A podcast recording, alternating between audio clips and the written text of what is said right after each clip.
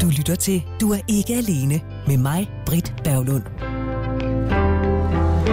Det der med at være single, er det noget, der skal fikses, eller er det noget, der er et vilkår, så hvorfor ikke bare få det bedste ud af det? Denne udgave handler om, hvordan man, hvis det altså er det, man har lyst til, kan lande med begge ben i sit singleliv, at man kan få sindsro og have det fint med at leve livet på egen hånd. Hvordan kan man slippe tankerne om, at man, til trods for, at der er mange singler i vores land, for nogen, der falder man stadig uden for normen. Samfundets norm om, at man er mindst to, der går gennem livet sammen. I løbet af de næste 54 minutter, der kaster vi os ud i en omgang single selvterapi, og du vil møde ind til flere personer, der har deres bud på, hvordan man kan opnå mere ro i sit liv, have det godt med at være sig selv og være glad for sin tilværelse, også som single. Så jeg foreslår, at du læner dig tilbage og lytter med. En person, du skal være sammen med hele udsendelsen igennem, det er psykolog Thomas Markersen, der er en kendt stemme her i uh, Du er ikke alene. Du har måske også mødt Thomas enten i fjernsynet eller læst hans ord i en avis, fordi Thomas er en flittig skribent. Og nu er han her. Velkommen til, Thomas. Jamen, tak for invitationen, Britt. Vi skal, som jeg sagde, have forskellige bud på, hvordan man kan opnå en ro i sit single-liv og have det godt med bare at være sig selv. Hvis vi nu kigger sådan helt overordnet, ikke? hvor gode er vi mennesker til at omstille vores måde at tænke på? Øhm, ja, efterhånden er der så mange singler, at man må sige, at øh, der er rigtig mange, der har omstillet deres måde til at tænke om livet på øh, her. Ikke? Der er jo stadigvæk nogle, øh, hvad hedder det, man møder jo stadig stigma med, at man bør være i forhold, og finder du ikke snart en og sådan noget. Men, mm. med, men med så mange, der er singler nu, så tror jeg, der er mange, der har lykkedes med det. Hvor meget handler det om mindset? Øh, det handler rigtig meget om mindset. Hvorvidt du er lykkelig som single, viser undersøgelser, drejer sig i høj grad om, hvorvidt du kan frigøre dig de der stigmaer. Om du kan sige, fint nok, hvis du, hvis du synes, jeg skal bo i en matrikel i Ballerup øh, på du ved, 700 kvadratmeter, det er din fantasi, det er ikke min. Hvis man kan, ligesom, und, hvis man kan skubbe det lidt væk og bare nyde livet. Ja, fordi man kan jo godt blive lidt påvirket, når folk i god mening siger, Nå, skal du ikke snart have en kæreste, eller sådan en sød en som dig, skulle da også bo sammen med nogen. Øh, for nogle uger siden havde jeg besøg af Jakob Olrik, der sagde, at han havde sådan oplevet, at der var nogen, der betragtede, altså folk i parforhold, der betragtede singletilværelsen lidt ligesom at være arbejdsløs. Altså det er noget, der skal fikses, ikke? Nu skal du bare ud og finde et nyt job. Nu skal du bare ud og finde en ny kæreste. Der er vel ikke noget at sige til, at man som single kan blive lidt påvirket af det? Øh, jo, altså vi gør en dyd ud af vores egen nødvendighed. Det vil sige, sådan som vi fungerer, sådan synes vi også andre skal fungere.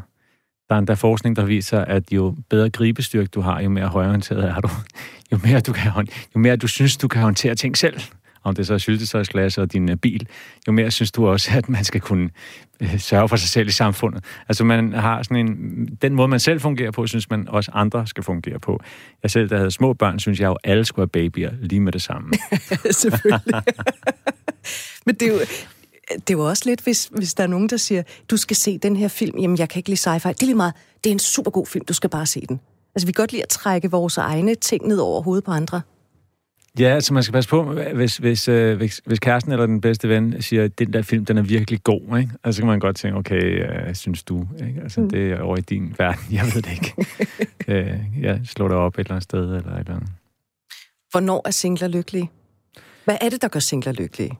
Det, der gør singler lykkelige, det er, at øh, de tilbringer øh, mere tid sammen med flere forskellige mennesker. Øh, de har flere positive følelser omkring deres eget selvværd. De er mere optimistiske. Øh, de føler sig mere kompetente. Øh, de er bedre til at nyde frihed, sjov og kreativitet. Og de er også bedre til at prøve flere ting. Øh, og de lever på en, i princippet en større familie. Det kan godt være, at den er ikke lige så øh, hvad hedder det, tro igennem 10, 20, 30 år, men den er, den er stor i, i forhold til, at på en måde så er Andreas ude i boksen her også. Ikke? Han er jo også en, en del af, af Brits familie. jo, det, jeg er ikke sikker på, at han nikker anerkendt, okay, men det er han jo. Men så, så singler er gode til at inddrage øh, ja. folk og se mange flere forskellige mennesker, ja. Øh, end, end folk i parforhold er generelt. Øh, det kan godt overraske mig, når du siger, at de er mere optimistiske. Mm. At der måske også er lidt mere ind på selvværdskontoen. Den, fakt, den troede jeg egentlig ville være lidt, øh, lidt lavere hos singler, end folk, der lever det fuldfede parforhold med, med to biler i garagen og, og den klassiske parcelhus have. Men jeg tror ikke, jeg kender en eneste mand, som ikke har det skyldfølelser, altså som øh, parforhold. Jeg tror, det hænger... Altså, man, man føler sig lidt mere trykket, ikke? Og kvinder kan også føle sig, øh, om ikke skyldige, så i hvert fald bare sådan lidt irriteret. Ikke? Altså, kan han ikke bare, altså, hvorfor lykkes det aldrig, at øh, kan han ikke fatte, at man også skal gøre komfuret rent, når man... Og sådan noget. Øh, så der kan være utilfredshed forbundet med det, ikke? Så man er mere... Øh, måske hvis, nu stikker vi et spadestik ned i dybdepsykologien. Jeg lover, det tager ikke mere end 30 sekunder. Ja, det er fint. Kom med måske det. Er der noget, måske er der noget lykkefølelse. Må, måske er noget af den lykkefølelse, der er forbundet med at være single. Måske den kommer sig af, at det er en lidt mere naturlig måde at være på, snarere end at, at lukke sig selv ind med et andet menneske. Det er måske lidt mere naturligt. Ikke at kærligheden er unaturlig, kærligheden er også naturlig. Men den her måde at øh, have som et ideal, øh, det her øh, rækkehus i, øh, i øh, Snækkersten, eller hvad der er, øh, eller på Frederiksberg. Øh, det er måske ikke lige så naturligt som at være single. Man er jo i hvert fald fri, når man er single. Man føler jo, altså det er jo, der er jo ikke, der er ingen bånd, der binder mig. Ikke? Jeg kan jo gøre, hvad jeg vil, når jeg vil, og med hvem jeg har lyst til. Altså, i, i, med en kynisk linse vil man sige, at uh, singler er mere lykkelige, fordi de tager mindre ansvar. Og det er egoistisk og ansvarsløst. Det vil være en kyniske linse på det, hvor man siger, at det er vigtigt at bibevare de konservative værdier og familien osv. Men det er jo bare et perspektiv af mange. Det er lidt kynisk. Jo, jo, men altså, når man sidder og tænker, så bliver det ofte, så bliver det nemt lidt negativt. Men nu, nu, når du spørger mig, man kan godt se på det lidt kynisk og sige, lad os nu holde sammen på familien. Altså, det er et værdigt, eller det er et gyldigt perspektiv. Men samtidig, så hvis man tager øh, spadestikket endnu dybere end vores øh, giftemålsstruktur, øh, som måske er tusind år gamle her i, i Norden, øh, altså, man kan jo godt gifte sig med flere øh, før kristendommen her i, i øh, Danmark for eksempel. Så hvis vi tager dybt spadestik ned, så tror jeg, at øh, det er lidt mere naturligt at være en lidt mere fri fugl. Det giver også bedre børn, når kvinden kan få lov til at vælge lidt mere frit. Fordi hun så kan vælge de gener, som hun betragter som værende de bedste? Hun vil højst sandsynligt få bedre børn, hvis hun får børn med fem forskellige mænd, end bare øh, fem børn med én mand. Altså, øh, hvis man taler sådan rent genetisk. Hvorfor? Fordi så er der større variation. Altså, så kommer der en flodbølge, så har hun tilfældigvis øh, født en, der er lidt... Øh, kvapsfed, ikke? som klarer, klarer vandet. Så der, der, altså, naturen er uforudsigelig, så derfor kræver den også, at man, man laver et, et uforudsigeligt produkt. Naturen er virkelig vild, ikke? Jo, den er skøn. Den former os hele tiden. Og den, det er den, der kræver, at, at vi, vi gør den, laver noget kaos, og har mange børn med forskellige, for eksempel. Mm. Nu listede du lige op, at noget af det, som gjorde singler lykkelige, det er, øh, eller glade, de er optimistiske, de har måske også et øh, forholdsvis godt selvværd. Øh, mennesker generelt, man taler, nu hiver vi lige en klassik op af, af skuffen, er glasset halvt fyldt, eller er det halvt tomt? Og det er ligesom en måde, man kan kategorisere mennesker på, ikke? Øh, har vi en tendens til at se på det halvtomme glas i stedet for det halvfulde? Øh, jamen, og græsset, der altid er lidt grønnere over på den anden side. Jamen altså, jeg, jeg, der er ingen tvivl om, at du har et bedre liv, hvis du ser glasset som halvfyldt. Men jeg vil ikke leve i et samfund uden folk, der så glasset som halvtomt. Der er jo nogen, der skal udfordre. ja, vi har brug for stræber, og vi har brug for ordentlighed og anstændighed, og vi har brug for folk, der bærer faklen videre fra tidligere generationer og alt det der. Vi har brug for nogen, der virkelig prøver ihærdigt at holde noget orden og samling på nogle ting. Ellers ville det jo ikke være lige så sjovt at være kreativ og vild. Altså, der, der er på en eller anden måde er det også dynamisk i samfundet. Øh, jeg tror i hvert fald ikke, at familien forgår. Nej, det går aldrig mod. Nej, den komplette kærlighed er så smuk, at selvom det måske ikke er lige så naturligt, så behøver det jo ikke være en bevisførelse for, at det er sådan, man skal leve. Nu talte vi om det her med, om man synes, det er fedt at være single, eller man ikke synes, det er fedt at være single. Hvis nu man ikke synes, at, at det er fedt at være single, og man godt kunne tænke sig at blive en af dem, som er lidt mere optimistisk, som har måske lidt bedre selvværd, øh, som må, måske kan se en værdi i at have en større familie, om end man ikke er blodrelateret. Hvor langstrakt et arbejde er, ændre det, er det at ændre ens måde at tænke på? Jamen, ens måde at tænke på afhænger også rigtig meget af ens relationer. Så hvis man ikke kommer ud af fjerne som er fraskilt øh, mand eller kvinde, så, øh, og, og ikke får lavet nye netværk, jamen, så ændrer man sig jo meget langsomt. Men hvis man kommer rigtig meget ud på Friday Night Skate og tango, øh, øh, Øh, alle de her cocktail crawls. Altså, jeg hjælper jo rigtig mange singler, så jeg hører om alle de her forskellige slags uh, single events. Og der, jeg sidder over for singler, som tænker, at livet bare er slut, og der sker ingenting, og så kigger jeg på mig og siger, du, du er ikke rigtig klog. Det er over det hele, hele tiden. Vi skal lære åbne øjne. Man skal finde det. Altså, der er også Facebook, og mange af Facebook-grupperne er nu ikke specielt øh, anvendelige, men der, der er rigtig mange tilbud, hvis man bare skriver single i København på Google. Altså. Så der er rigtig mange sjove ting at sige for singler. Så det handler om, at vi også lige selv åbner øjnene og så siger, hvad er mine muligheder? Altså... Ja, altså det jeg prøver at sige, det er, at mind, det starter ikke nødvendigvis med et mindset. Det starter med, at man kaster sig ud i det og får oplevelser. Ja. Og det kan stimulere et, et eksperimenterende mindset. Øh, hvis man er interesseret i kærlighed, skal man bare ikke være sammen med for mange, fordi man laver øh, nemt en afhængighed af at score og møde nye mennesker, og så øh, kommer du længere og længere væk fra kærligheden. Og der er nogen, især mænd, der ikke engang kan hælde den i land. Og det er lidt sørgeligt at være vidne til. Ja. Nu skal vi lige møde Thomas Markersen, endnu en stemme. Den tilhører Sofia Manning, der er coach, og øh, Sofia er også forfatter til flere bestsellerbøger om selvudvikling. Velkommen til programmet, Sofia. Tak skal du have. Hvor gode er vi egentlig til at mærke efter, om vi har det godt, også med os selv? Ikke så gode, desværre. Og det hænger sammen med, at øh, vi, vi mest af alt er i gang med at overleve. Og her mener jeg ikke i forhold til øh, smør på brød og så videre, men simpelthen psykologisk er i gang med at øh, udleve gamle og altid, eller meget ofte i hvert fald, forældede overlevelsesstrategier, som vi har lært gennem livet. Så det vil sige, at vi er i gang med at gøre nogle andre glade, eller øh, gøre det, som forventes, eller opfylde nogle andres krav, krav og behov. Og det gør, at vi glemmer at mærke, hvordan går vi egentlig selv og har det i virkeligheden. Og nu hiver jeg lige, jeg har jo psykolog Thomas Markersen med i studiet. Er det et billede, du kan genkende, Thomas?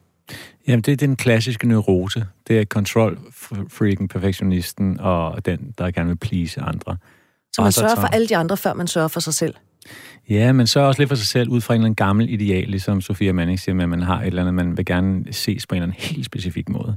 Så derfor bliver man lidt forkrampet, mm. og derfor får man ikke rigtig eksperimenteret med sig selv. Og derfor kan det også være svært at ændre vaner, fordi man hænger fast i sådan nogle gamle mønstre. Så de er rigtig, det er rigtig fint at give dem et tjek, og man kan google problematiske leveregler, hvis man vil hvis man lige vil undersøge det, ikke? kan sende, sende sin psyke til, til syn. Der er et tip, der er givet videre. Sofia Manning, hvis man nu altså ufrivilligt har været single i nogle år, hvor man så har forsøgt at finde en kæreste, det ikke lykkedes, så kan man godt have sådan nogle mentale blå mærker. Fordi det er sikkert, fordi jeg er sådan og sådan, eller jeg gjorde sådan og sådan, jeg vejer for meget, jeg vejer for lidt, jeg griner lidt for højt, jeg er lidt irriterende, jeg taler lidt for meget. Når man lægger det sammen, så er resultatet nogle gange, at man øh, når til en fortælling om, at man ikke er god nok. Hvor typisk er det at vende fingeren mod sig selv og ligesom tage i godsøjne skylden på sig, når der er ting, der ikke lykkes? Ja, ja det er meget typisk, og, og det kan være en god idé at, at lære at adskille de ting og sige, at, øh, at du er god nok, og det er du som udgangspunkt, fordi du er født ind i den her verden. Altså, du, og det kræver selvfølgelig indre arbejde og indsigt og hjælp og så videre og støtte. Men som udgangspunkt er du god nok. Det, der så er vigtigt at huske, det er, at at nu nævner du selv de her ting med, ej, kan det være, fordi det er din datten, dytten, at jeg ikke øh, finder kærligheden. At også have, et, øh, have en åbenhed over for, øh, at, at, at det kan jo godt være, at du går hen og saboterer dig selv. Altså, det kan jo faktisk godt være, at, og det har ikke noget med at, at gøre, om du er god nok eller ej som menneske, men der kan jo faktisk godt være nogle ting i din, din adfærd, som gør, at du får ufrivilligt skræmt nogle dejlige mænd eller kvinder væk, eller at du øh, simpelthen, at man ikke kan mærke på dig, at du er interesseret. Altså, derfor er det jo okay at være åben øh, over for, hvis du hører det samme igen og igen. Altså, det er det her med, hvis du går ned i supermarkedet, og der står bare i køen foran dig verdens dejligste mand eller kvinde, og du er single. Hvis du så ikke, fordi du har nogle gamle mønstre, er i stand til at øh, rette ryggen og kigge med øjnene og smile, jamen så er det måske okay at arbejde på det, men ikke ligesom dermed konkludere, at du ikke er god nok, men at du måske har nogle uhensigtsmæssige adfærd, som simpelthen saboterer dig. Ja. Øh, så jeg synes ikke, det er sådan enten eller. Altså det, fordi nogle gange kan jeg også komme ud den der, men jeg er bare god nok, som jeg er, og det skal en anden acceptere. Men sådan er det jo ikke at være et parforhold. Altså, så det er også okay, inden man er i parforholdet, at være sådan, okay, er der noget her, jeg kunne gøre for at vise livet og verden og andre mennesker, at jeg er til rådighed? Ja, og man kan jo hurtigt få nogle, kan man kalde det sådan dårlige vaner, eller øh, altså det der med sådan, der er også nogen, der praktiserer et svinefløte, forstået på den måde, at hvis man lige kan svine et andet menneske til, så mener man ja, i virkeligheden, ja. ligesom i skolen, hvor man hæver nogen i rottehalerne eller et eller andet, eller slå nogen over knæet, det er i virkeligheden, fordi jeg godt kan lide dig. Og det er måske ikke den fedeste ja. strategi at lægge for dagen. det er sådan et godt eksempel, fordi selvom det er sådan lidt øh, langt ude, så er det jo det, vi nogle gange kommer til. Ej, ham der er dejlig, ham derovre, lad mig kigge ned i jorden. Altså, det, det, altså det, du ved, altså det er jo skørt, men det gør vi jo som mennesker, fordi at det er så sårbart at, at, at kigge efter kærligheden og at være single, og så især, som du nævner, hvis man har slået sig. Ikke? Så, så det er okay at altså, ligesom, måske også spørge en god ven eller en coach eller en psykolog og sige, hey, jeg vender lige den her situation med dig, kan jeg få noget feedback, uden at man så hænger det op på sit selvværd. Ja. Altså, Hvis nu, at man bliver opmærksom på, at man måske har nogle usigs, uhensigtsmæssige handlinger i ny og næ, når man står over for øh, en potentiel ny partner. Men man grundlæggende har det sådan, at man synes bare, at man ikke er god nok. Øh, Sofia Manning, har du et tip til, og det ved jeg godt, det er ikke et quick fix, men har du alligevel et tip til, hvordan man kan lære at acceptere sig selv lidt mere? Ja, altså som udgangspunkt er oplevelsen, eller det at være menneske er, er jo er sådan, at det er ganske sjældent, at, at, at det er en kronisk tilstand at føle sig god nok altid. Altså fordi livet er, som det er. Så dermed er det også en livslang rejse at komme i sådan en positiv relation til sig selv. Og den synes jeg, man skal vælge til, uanset om man er single eller ej. Så jeg vil sige, det bedste råd er jo at ligesom sige, det er vigtigt for mig at, at, at, og, at have et, et, et sundt forhold til mig selv, og have det godt med mig selv og føle mig god nok. Og der er jo en lang række ting, øh, man kan gøre. Øh, altså, i livet for at, at understøtte det alt muligt, du kan lære, og bøger, du kan læse, og mennesker, du kan gå til, og indre arbejde, du kan reflektere over. Men, men, det, er en, men det er en lang rejse, så, så jeg synes ikke, man skal vente med at lede efter kærligheden, til man lander der, øh, men også lidt videre, det er et vilkår som menneske, at vi føler os ikke altid gode nok. Øh, nogle føler sig lidt bedre end andre, men det kan så også være et problem. Altså at det her med at sige, det er okay at, at gerne vil føle sig god nok, og, og sørge for at skabe et liv, hvor, hvor det har gode vilkår. Men lad det nu endelig ikke øh, forhindre kærligheden, at vi ikke føler os gode nok. For det gør det færreste af os hele tiden. Altså, men dermed som tips vil jeg sige, prøv at inkludere livet så vidt muligt, som det er. Altså, byde tingene velkommen. Byde velkommen, at en dag føler du dig på toppen af verden, og som den, det, det, det mest interessante menneske, du kender, og næste dag, der kan det være, at du ikke føler dig så, så, så super cool, og, og, og det er okay. Altså prøv at være det mere rummelig over for dig selv. Det er vi tit over for andre. Vi kan tit forstå vores børn, vi kan tit forstå vores kollegaer. Nogle gange glemmer vi at inkludere, at vi også godt selv må være det hele. Hvis og det man, kan være et godt første skridt. Hvis man nu formår så at gøre det her stykke arbejde med sig selv, og slippe fortællingerne om, at man ikke er god nok, øh, hvad venter der så ude på den anden side? Er det simpelthen den store krukke med guld? Ja, altså, det, som jeg kunne sige som en lille udfordring, er, det er et, slippe fortælling om, at man måske skal føle sig god nok hele tiden. Altså, det, det, ja. Hvis man tager den til sig, så kan der, så kan der vente frihed. Altså friheden til at være den, man er den dag, eller det øjeblik. Øh, frihed til at ikke hele tiden skulle leve op til et eller andet, man, man tror, nogle andre forventer. Øh, men friheden til at ligesom sige, mm, her er jeg, øh, og det er du, verden. Lad os se, hvad der sker. Og den frihed, den er, den er til rådighed. Altså er til rådighed at at godt måtte have lov at være her. Det er jo egentlig det, vi taler om. Som den, man er. Og I det øjeblik, den dag, den periode af sit liv. Og, og det, det, er, det er en mulighed, som, som er alle mennesker ondt i virkeligheden, synes jeg. Og den frihed, den lyder ret attraktiv. Øh, Sofia Manning, tak fordi, at vi måtte ringe til dig. Det var så lidt. Sofia Manning, som er coach og altså også forfatter til flere bestsellere om selvudvikling. Byd tingene velkommen, siger Sofia Manning, Thomas Markersen. Og med det mener Sofia jo også, den dag, det rent ud sagt pæsøs regner, og din cykel punkterer, byd det velkommen. Favn livet. Jamen, så langt er det jo heller ikke. Jeg, jeg havde lige et, et par enkelte tanker her, og det var, at øh, først da du sagde, at hun var på fra Thailand, så tænkte jeg, det var hun så ikke. Hun var på for Timeline, et eller andet system. Mm. Altså Sofia Manning. Så kom jeg til at tænke på, at jeg var gået på en strand på Thailand sammen med min lille dreng og lidt efter nogle krabber, og de var der bare ikke. Og så var jeg oppe øh, lidt selvheldigt og mediterede kl. 6 om morgenen på stranden før alle de andre ved det der resort. Og øh, så sad jeg 10 minutter og mediterede, 20 minutter, så da jeg åbner øjnene, så står der en kæmpe krab og kigger på mig. øh, hvad hedder det? At øh, tingene kommer til os, når vi slapper af. Men vi skal virkelig slappe af. Øh, mindfulness, meditation og yoga og dans kan være øh, gode til at virkelig at få os til at slappe af. Vi skal hen i det, der hedder selvaccept, i stedet for at jagte selvtillid og selvværd. Det er sådan, det er sådan et lille hack, sådan en lille mindset tweak. Ja. At vi skal bare arbejde på at prøve at acceptere os selv, i stedet for at øh, føle os så og så dygtige eller så og så tillidsfulde. Og så er der også noget andet, folk kan gøre. Øh, de kan skrive den her sætning ned med øh, en whiteboard-marker på deres spejl, hvor de står og børster tænder. Ja. Der hedder, jeg er så glad og taknemmelig for, at jeg endelig er begyndt at føle mig værdig nok til den succes, jeg gerne vil have. Og så når man står og kigger på den sætning, mens man børster tænder, så, så er der i hvert fald en teori om, at den får lov til at sive en lille smule ned i underbevidstheden. Så det er, det er noget selvhypnose, jeg foregriber lidt, og vi får en hypnotisere på. ja, det gør vi om ikke så længe. Øh, om ikke så længe. Kom lige med sætningen igen. Jeg er så glad og taknemmelig for, at jeg endelig har begyndt at føle mig værdig nok til den succes, jeg gerne vil have.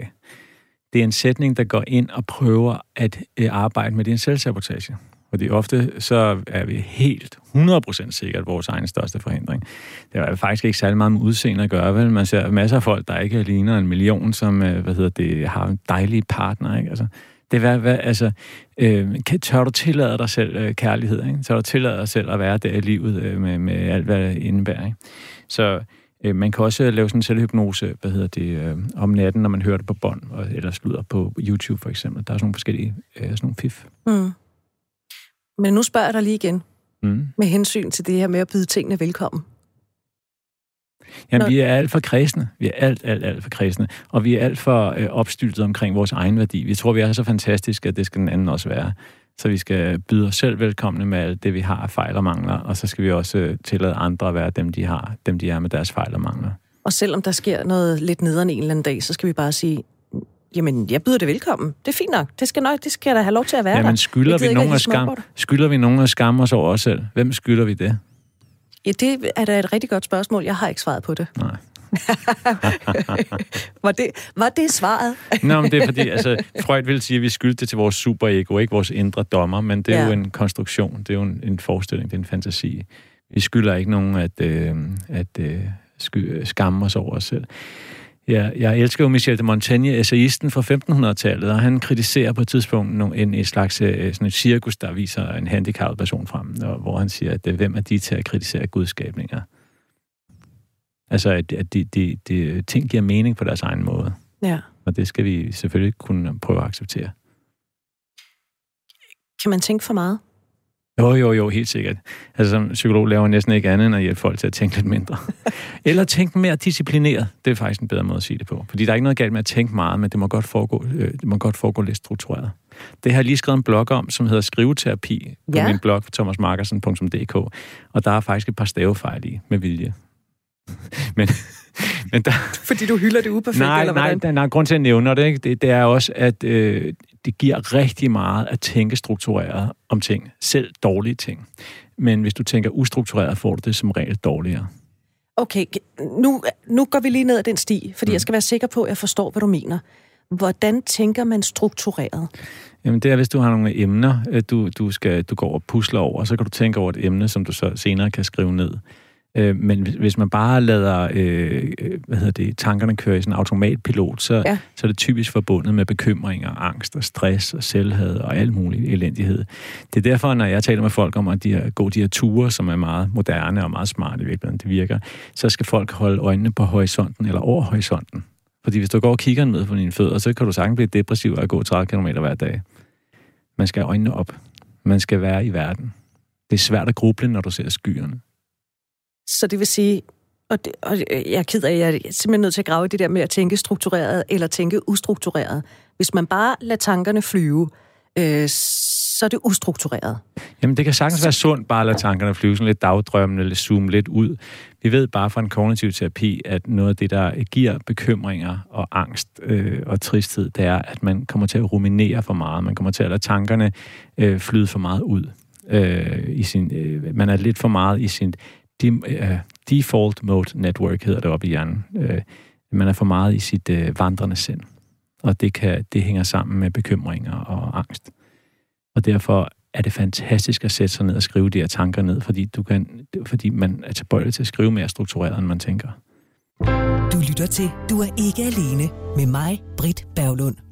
Og jeg har her i studiet besøg af psykolog Thomas Markersen, og denne udgave handler om, hvordan man kan lande godt og grundigt i, i sit singelliv med begge ben, og bare trække på skuldrene, når folk i bedste mening, fordi jeg tror faktisk, det er i bedste mening, spørger ind til, hvorfor man er single, om man ikke snart skal finde sig den der kæreste, eller stiller sig undrende over for, at sådan en sød og smilende en som dig kan få lov til at gå rundt i fred. Er du først kommet ind i programmet her, så øh, kan du altså lidt senere i dag, der kan du hente det på som podcast, der hvor du ellers henter dine podcasts, eller også på øh, i Radio 4's app. Og husk, at du også, mens jeg husker det, øh, er velkommen til at skrive, hvis du har lyst til at tale med om et eller andet, der optager dig, eller du har en idé til et emne, så skal du altså bare skrive til mig, ikke alene, snabelag radio4.dk. Og nu skal vi så tilbage på sporet, fordi hvis du flere gange er spurgt til, hvorfor du ikke har en kæreste, eller om du ikke snart skal have en, så kan det altså være at puste til en ild, der handler om, ja, måske har de ret. Det er jo normen at være to eller flere i vores samfund. Det er sådan, det er bygget op hvad er der galt med mig? Hvorfor er det, jeg ikke er interessant? Og det kan skabe sådan en usikkerhed om ens værd, og også måske ligefrem give selvtilliden et knæk. Men det er der råd for. Thomas Markersen, du nævnte ordet for ikke så lang tid siden, selvhypnose. Det handler nemlig om hypnose. Øh, du kender hypnose. Du besøger en hypnoterapeut, der ved hjælp af stemmen så kan få kontakt med dit dybere jeg. Men kender du til selvhypnose? Det som Thomas nævnte for et øjeblik siden. Nu skal du hilse på en øh, mand, der ved en hel del om det og hvordan det fungerer. Det er nemlig en hypnoterapeut. Det er Michael Belligianis. Velkommen til. Tak skal du have. Du er sådan en, man kan besøge for at få hjælp til forskellige ting. Blandt andet lavt selvværd, øh, lav selvtillid. Men du mhm. skriver også en del om selvhypnose på din hjemmeside.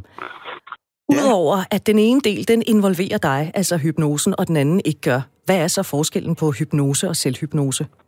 Altså man kan sige, hypnose er, eller hypnoterapi er generelt, når du gør det sammen med et andet menneske, en hypnotisør, der påvirker din fantasi i en retning, der er fordrende for, for dig, for ja. selvværd, eller, eller det mål, du gerne vil have. Mm. Når vi kalder det selvhypnose, så er man selvhypnotisøren. Så det er en og samme person. Så man, man lærer at tale til sig selv på en god måde. I stedet for, du sagde før, det der med, at, at man har den der negative selvstark. Hvem er jeg? Hvem er jeg i verden?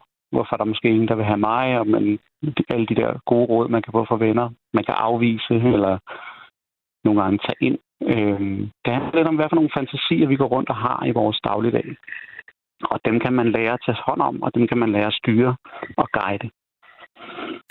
En ting er, at der er et menneske øh, som dig, Michael, der formår at tale til mit dybere jeg. Men er mm. jeg virkelig selv i stand til at komme lige så langt ned? Øh, og det, det er sådan, jeg ser det sådan rent øh, visuelt, ikke? At komme ja. lige så langt ned på, på egen hånd. Ja, men altså, det er jo spørgsmålet. og det er ikke alt for, for, for, for nørdet. Fordi hvis man spørger 100 hypnotisører, så får man sikkert 100 forskellige øh, svar. Den gængse holdning er, at man skal længere ned, eller dybere ind, eller man skal omgå et eller andet. Men med alt det, som, som jeg har læst, og, og mine egne erfaringer i, i faget, så er der ikke noget sådan dybere andet end forestilling om, dybere. Der er sådan en, øh, der, der, der er et citat, som jeg har lyst til at læse op, af en, der hedder Emil Kue, som er, som, øh, er sådan en selvhjælpsguru fra starten af 1900-tallet. Han har det citeret et, et, et utal af gange. Men han siger sådan her. Derfor er vi, der er så stolte af vores vilje, som tror, vi er frie til at handle, som vi vil, i virkeligheden ikke andet end elendige marionetdukker, som vores fantasi holder i alle snorene. Vi ophører kun med at være marionetter, når vi har lært at guide vores fantasi. Og det, jeg mener med det, det er, at vi går i alle mulige negative fantasier og ruminationer i vores dagligdag.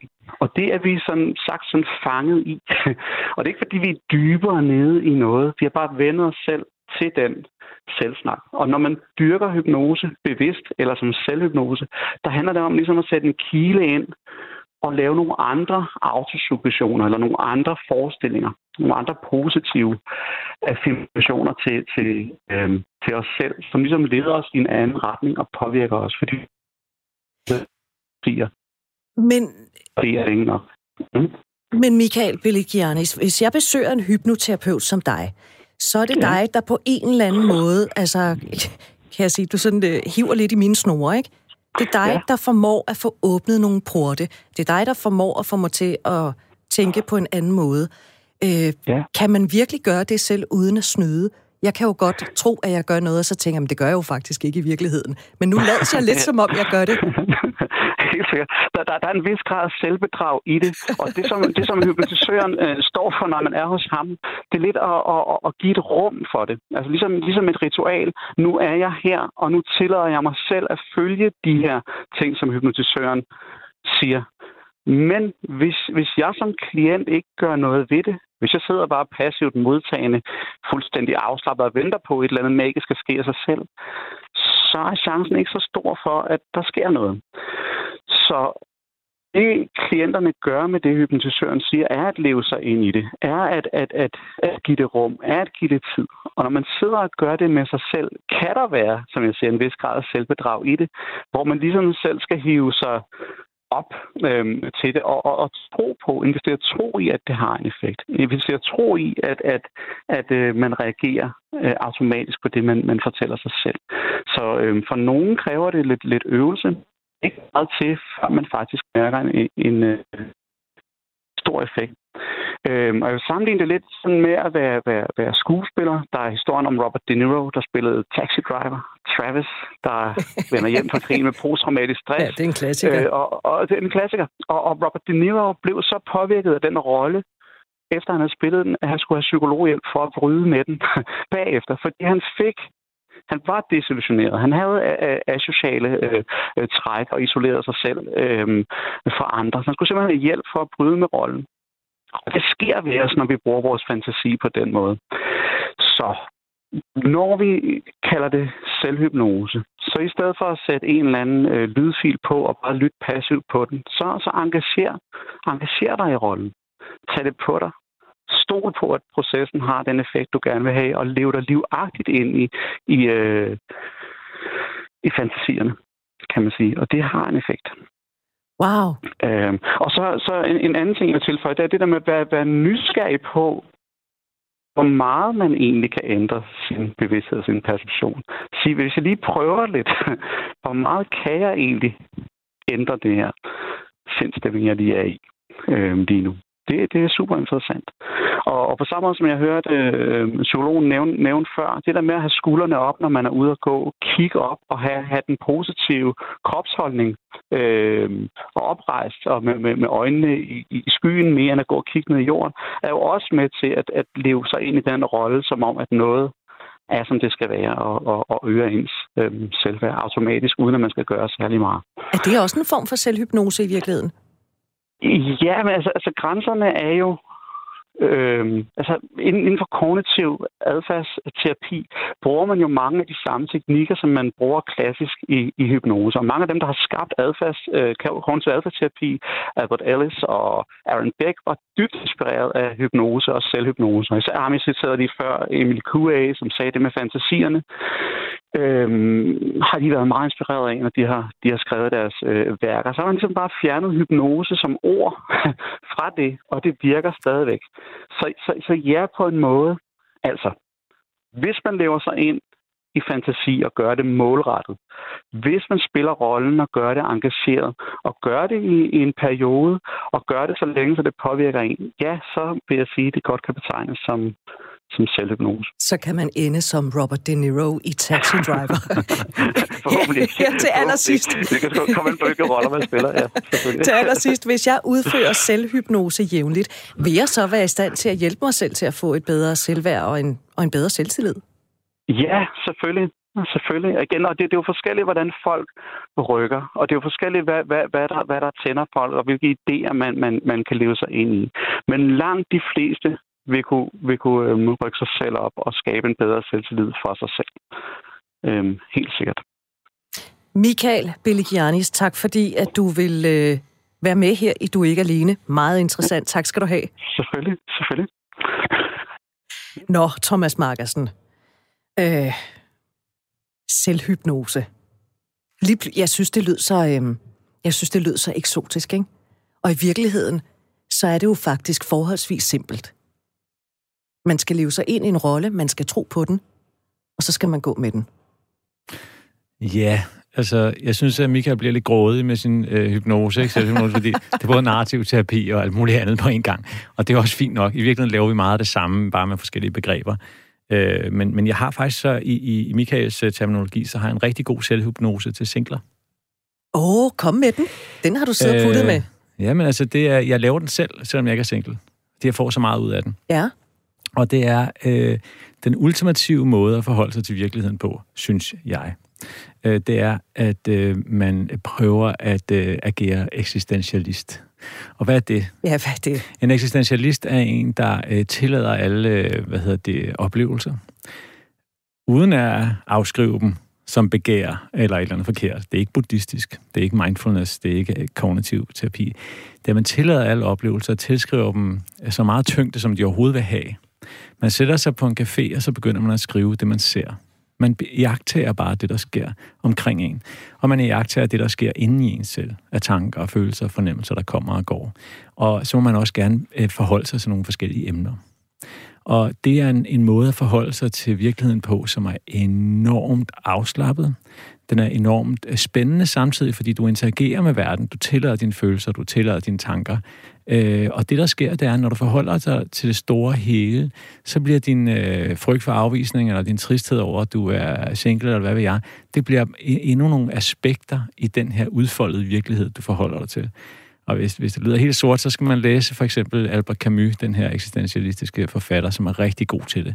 Han skriver i princippet dagbøger. Hvor han iagtager verden? Jamen, han, han spørger, det er i princippet iagtagelse af verden, hvor selve iagtagelsen gør, at vi kan bære det hele, og vi får lyst til at interagere med verden. Så, så min, min, en af mine favorit uh, mindsets, eller selvhypnose tricks, det er at skrive på den måde. Jeg skriver cirka en time om dagen på den måde. Okay, og med far for, at jeg fuldstændig har misforstået det. Hvis jeg sætter mig ned et eller andet sted, så skal jeg sidde og skrive ned, hvad det er, jeg ser. Ja. Lad os nu sige, at jeg ser for eksempel tre nybagte mødre, der kommer ind, og skal, de har en lille mødergruppe. Det skal jeg skrive ned, at det ser jeg.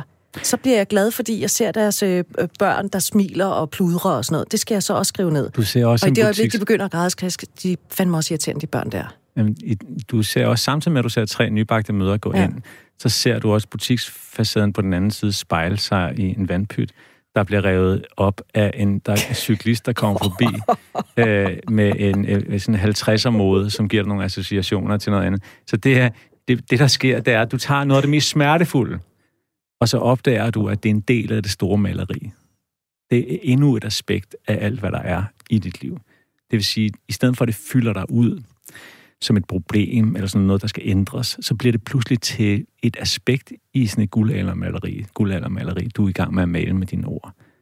Du, du tillader virkeligheden og alle dens aspekter, din angst, din tvivl, din, hvad vil jeg? Du tillader det, og så engagerer du dig i verden. Det lugter en lille smule af mindfulness, jeg ved det godt, men det er, det er mere aktivt, fordi du sidder og skriver det. Hold da op, det er meget, man skal skrive ned så. Jamen, det bliver en fornøjelse lige så snart du bliver god til det. Altså, der er ja, jo rigtig mange, der gør det. Jamen, det hedder ekspressiv skrivning, og der er virkelig gang i den. Altså, der er mange, der begynder på det. Øh, det, det, er en, det er en trend i USA. Og jeg, jeg, jeg, jeg har dyrket den i 7-8 år. Hver dag? Ja. Har du, har du gjort det i dag? Øh, nej, fordi så skulle jeg skrive sådan noget øh, korrekt, et eller andet noget. Ikke? Altså, ja, der skulle jeg skrive sådan noget øh, arbejdsmæssigt. Men hvor meget, hvor meget når du at skrive på den time? Altså det kan jeg forestille mig, der, der kan jo ske mange ting i løbet af en time, når man bare sidder i jagter i verden. Grundreglen er ligesom for sangskriver, at du bliver nødt til at skrive det, mens du er der i det. Det nytter ikke noget af fedt. Fordi lige snart du fedter, så kommer du ud af den strøm af associationer og fornemmelser, du er i, så bliver det uautentisk. Så tricket er at skrive det hurtigt. Og tricket er at lade være at kritisere dig selv, mens du skriver. Men bare skrive, skrive, skrive. Bare skrive, skrive, skrive. Og så til acceptere at starte, alt, der kommer. Acceptere alt, der kommer. Og til at starte med, så, så er det knudret forfærdeligt, og du kan ikke engang forstå det selv. Og når du har gjort det et halvt års tid, så begynder du at blive sådan, hov, burde jeg ikke skrive en bog? Fordi du, det er et trick til at blive forfatter. Det er at beskrive det, der sker omkring dig. Det er tricket til at bryde skrive, øh, hvad hedder blokeringer. Det er sådan, man gør, når man vil i gang med at skrive.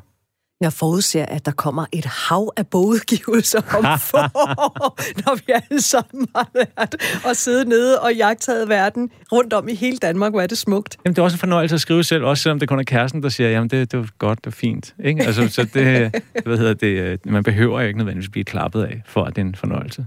Men det er, min, det er mit favorit selvhypnose for tiden, og det er rigtig godt til singler også. Du lytter til Radio 4. Og det går stærkt i dag. De fleste, de har travlt i deres liv, og det vil sige, hvis man sidder der på en café, så er der også meget, der skal skrives ned. Udover det, så er der også arbejde, der er omgangskredsen, der er motion, der er fritidsinteresser, der er måske også børn, som man skal tage sig af.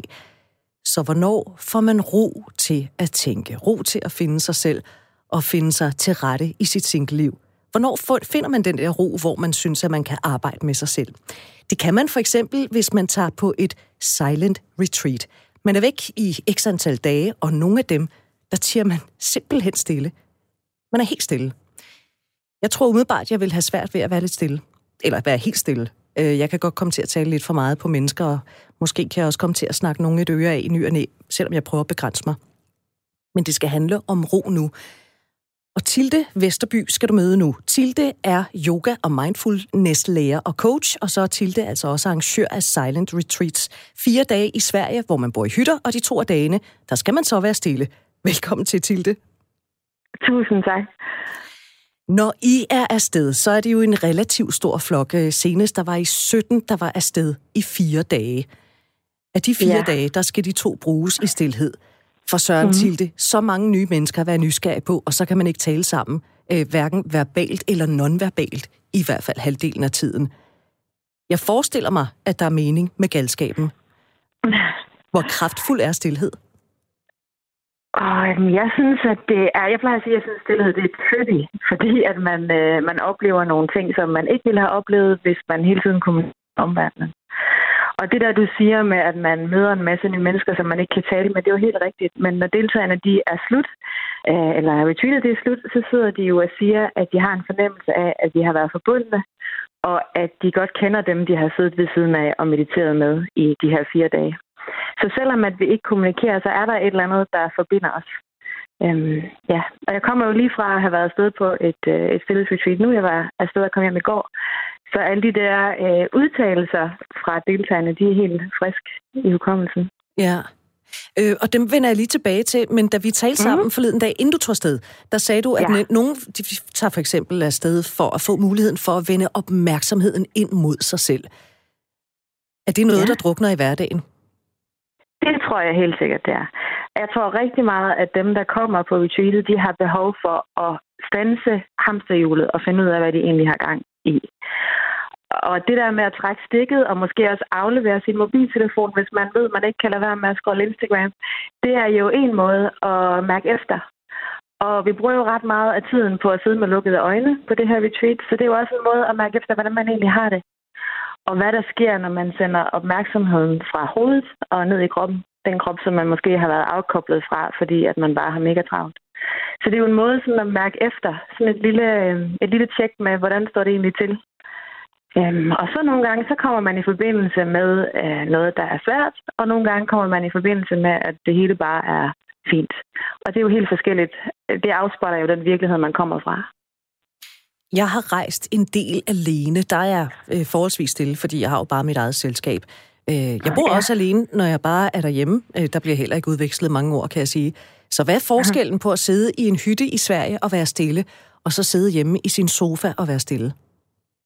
Men kender du det der med, at øh, når du er derhjemme, og så hvis der er et eller andet, der begynder at larme inde i baghovedet, eller hjertet, eller sjælen, eller sindet, eller hvad vi kalder det, så får man travlt med at tænde for Netflix og, og spise mørk chokolade, yeah. eller arbejde lidt ekstra. Det er mine, ikke? Jeg ved ikke, hvad der er din, øh, det du går til for at dulme, ikke? Men så får vi travlt med at kigge på noget andet. Og, øh, og det retweetede det så kan i stedet for, det er at sige, men, men her er det, så nu, nu, nu skal du kigge på det. Altså nu, nu kan du være til stede med det her. Og så kan vi træne og prøve at rumme, hvad det er, der larmer. Øhm, og det er, jo, det, det er det for mig i hvert fald. Det kan være, at andre folk de kommer af andre grunde. Men det, som mindfulness lærer mig, det er at, at ture med op til lige præcis det, der nu viser sig. Og det gør man jo så fra øjeblik til øjeblik. Og når man bliver god til det, så kan man jo også håbe, at man kan gøre det ude i virkeligheden, når man kommer hjem fra retreatet. At man kan møde op til det liv, der nogle gange er med de omstændigheder, som livet har bragt lige nu. Og så er der også det, at... Så jeg tror, det er forskellen, at, at man bliver tvunget til at kigge på sit shit, i stedet for at gøre alt det andet, man gør hjemme i hverdagen, når det viser sig. Åh, oh, det der med, at man bliver tvunget til at kigge på sit shit, ikke? Ja, det er selvfølgelig ja. rigtigt nok. Men udover det, så, så er der også den forskel, at når jeg sidder hjemme i min sofa, som du siger, så kan jeg Netflix, jeg kan lige spise noget chokolade, jeg kan gøre et eller andet uhensigtsmæssigt. Mm. Men hvis jeg er på et silent retreat, så giver du mig værktøjer til at komme igennem de der to dages stillhed. Ja, jeg siger jo lidt en gang imellem og guider det der, men, men der er ikke så mange, så mange andre øh, instrukser end at øh, være opmærksom på, hvad der foregår. Og gang på gang møde op til det, der foregår. Sådan at altså, mange de tænker måske, at meditation det er sådan noget med at sidde i et helt tanketomt rum og bare være fred og indånding og udånding.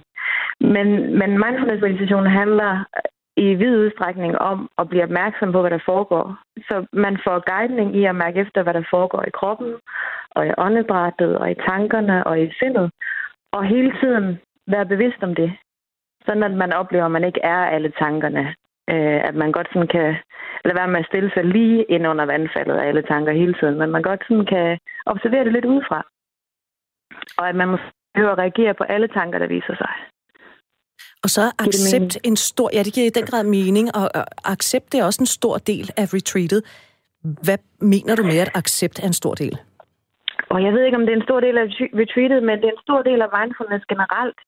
Øhm, der findes nogle syv mindfulness-principper, man sådan prøver at praktisere ud fra, og accept er, er et af dem. Og øh, jeg har egentlig valgt at tale mere om villighed end accept, fordi at folk de bliver sådan lidt perplekse, når man taler om accept, fordi så tænker man, man skal altså bare resignere. Øhm, så det vi arbejder med i mindfulness, øhm, det er jo at, at prøve at være villig til at møde op til øjeblikket. Altså prøv igen og igen at mærke, at nu er der et øjeblik, og der er nogle omstændigheder, og der er nogle kropsfornemmelser, og der foregår en hel masse. Kan man være villig til, at det sker?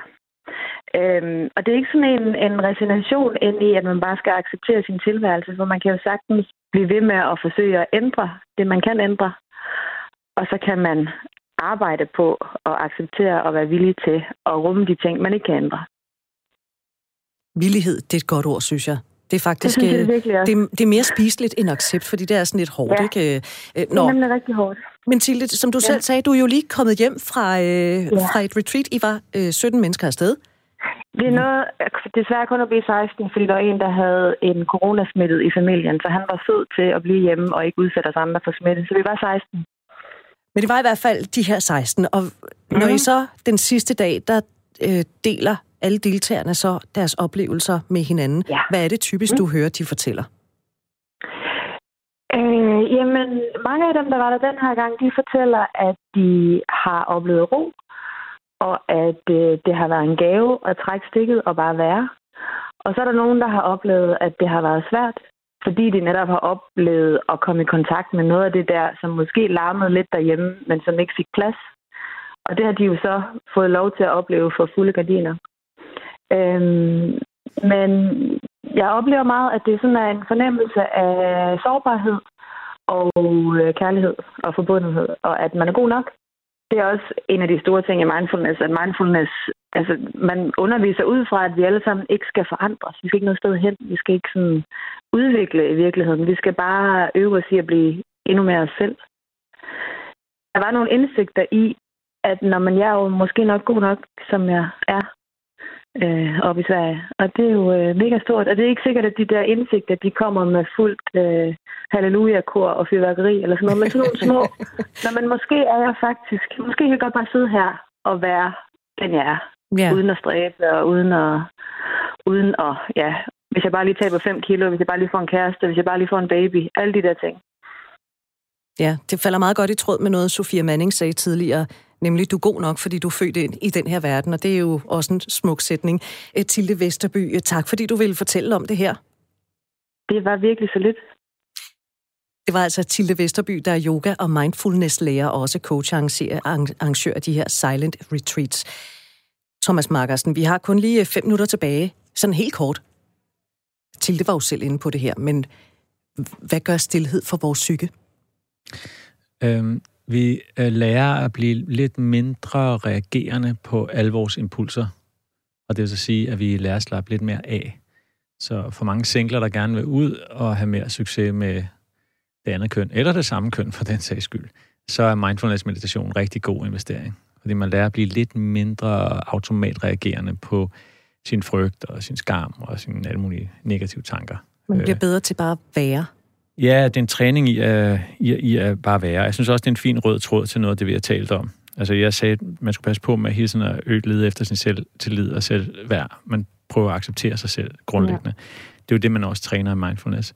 Og så talte jeg om, at ekspressiv skrivning, det er også en måde at, at, at tillade, eller være villig til at, at se og rumme og beskrive alt det, man ser. Så det er langt hen ad vejen, er det også en slags mindfulness-færdighed at sidde og lave. Så jeg synes, der er en fin rød tråd igennem, øh, igennem de her lidt forskellige mennesker, du har fat i, Britt. Det er jeg glad for, du synes. Ja. Prøv at høre, vi er ved at være ved vejs ende. Øh, vi har talt meget om at øh, acceptere sin single-tilværelse, acceptere sig selv. Øh, det er fint nok, at det er, som det er. Det er fint nok, jeg er, som jeg er. Thomas Markersen, skal man ubetinget søge mod en accept af egen singletilværelse? Nej, fordi så kommer man til at gøre regning uden værd. Jeg har haft klienter, som har vil have mig til at fjerne deres følelser og uro, og så vil man sige, at jeg godt kunne prøve at coache dem væk fra, eller øh, meditere dem væk fra, eller hypnotisere dem væk fra, eller hvad vi er. Men øh, efter nogle øh, sessioner, så, så begynder jeg at lede efter årsagen til uroen, og det kan jo sagtens være, fordi at, at, at der er sådan et brændende ønske for at lave en familie, at øh, jeg synes, at det, det skylder man sig selv at forholde sig til. Man skal ikke bare prøve at sluge det hele og sige, lad det passere, fordi øh, de, de her øh, stemmer eller fornemmelser i det indre, som kan virke irrationelt, eller troende, eller præsten, eller skræmmende, eller udskammende. Nogle af de her stemmer kan faktisk være noget, ligesom øh, en meget, meget vigtig grundenergi, der gerne vil have dig et eller andet sted hen. Og det skal man jo, hvad hedder det, gøre sit bedste for at øh, i hvert fald udtømme muligheden af. Ikke? Så nogle gange har jeg klienter, som øh, resignerer resonerer fra single tilværelse, eller resonerer fra forestillinger om at få en kæreste, og hvor, hvor jeg tænker, at der, er, der er jo nogle ting, vi ikke lige har prøvet før, eller, eller endnu, der er lige nogle ting her, der jeg synes, du godt kan lige prøve. Ikke? Øh, og så synes jeg undervejs, så lad os prøve at se, om du kan acceptere dig selv for fuld blæs, mens du øver dig. Mm. Mm. Og hvis, hvis man oplever, at der, det er ligesom om, at der er noget inde i sindet, der bare står og brager de her grydelåg mod hinanden, mm. så skal man måske ikke bare sige, øh, rent ud sagt, luk røven til sindet, så skal man måske i virkeligheden lytte. Øh, fordi det kan også være drive. Jamen, vi kan jo i princippet godt slutte på en, en, en hvad hedder det, sådan, øh, både videnskabsteoretisk og sådan logisk i forhold til det, vi har talt om, på medfølelse. Du skal jo have medfølelse over for dig selv som single. Du skal have medfølelse over for dem, som siger, at øh, du, du bør få en kæreste. Øhm, du skal have medfølelse over mand, du er på date med, som bare simpelthen ikke kan finde ud af det. Og du skal have medfølelse over for det aspekt af dig, som simpelthen ikke kan lade dig falde til ro, når du er alene hjemme. Ikke? Vi skal have medfølelse for, for de her forskellige fænomener. Og så skal vi prøve at ture og være øh, øh, sårbare og hvad hedder det, melde os ind på øh, scoremarkedet, hvis det er det, det kræver. Øh, men man skal være et fjols for ikke at nyde livet hver dag. Sådan kan man også konkludere Der var ikke så meget medfølelse i den sidste Nej, det var der ikke. Men jeg, jeg står, og når du siger ja. det her med medfølelse, så er der en, en, en sætning øh, hos mig, der står og blinker i bukket i næren. Mm. En sætning, som Sofia Manning kom. Byd det velkommen. Det er vel i virkeligheden det samme, ikke? Det kan da godt være, at hun eller han opfører sig som en fjols. Byd det velkommen. Sådan er det bare. Accepter det. Fint nok. Jamen, jeg, jeg tror i hvert fald, at vi alle sammen lider af en fantastisk kredsenhed. Altså, vi skal tillade øh, folk at, hvad hedder det, komme til at øh, øh, tykke deres slips, når de spiser suppe. Vi skal kunne, på en eller anden måde skal vi kunne øh, rumme, no, rumme nogle af de der ting, og se, om der dukker noget guld op. Ikke? Altså. Nogle gange så kunne jeg godt tænke mig at være til nogle af de middage, hvor du kommer, fordi det lyder som om, at det kan være ret underholdende. Ja, det er en gammel sketch, altså, ja. Ja, men du leverer den godt. Du leverer den, oh, som om tak. den, det er din egen. Ja. Hvad hedder det, øh, Thomas Markersen? Nu talte vi om øh, at acceptere sin single-tilværelse, og så talte vi lige fire minutter om, at det behøver man måske i virkeligheden ikke. Men det kan også godt være, at man bare skal lytte til grydelåne. Det er jo op til en selv, hvor meget de der grydelåg, de står og bamler i baggrunden. Jeg mener at gøre regning uden værd. Vi skal, vi skal, hele, vi skal, vi skal prøve at være hele mennesker. Så vi skal selvfølgelig også lytte til vores håbløshed og vores elendighed og vores... Øh, og så søge og eventuelt øh, søge hjælp, altså hvis, hvis man ikke kan administrere det selv eller rumme det selv. Men det med at bare få det til at tige stille med mindfulness, øh, som man måske kommer til, det, er ikke, det, det synes jeg ikke er en glorværdig måde at, at leve på. Det vil Camus heller ikke synes. Thomas Markersen, psykolog, tak fordi du vil komme. Selv tak. Og så vil jeg afslutningsvis sige, at hvis du er kommet sent ind i programmet her, vi har øh, ydet det, man kan sige 55 minutters single selvterapi. Hvis du er kommet sent ind i programmet, så øh, kan du hente det som podcast. Det ligger der lige om et øjeblik, der hvor du henter dine podcasts. Eller så kan du lytte til det i Radio 4's app. Og har du lyst til at skrive til os, så er du mere end velkommen. Øh, ikke alene, snabelag radio4.dk. Ikke alene, snabelag radio4.dk.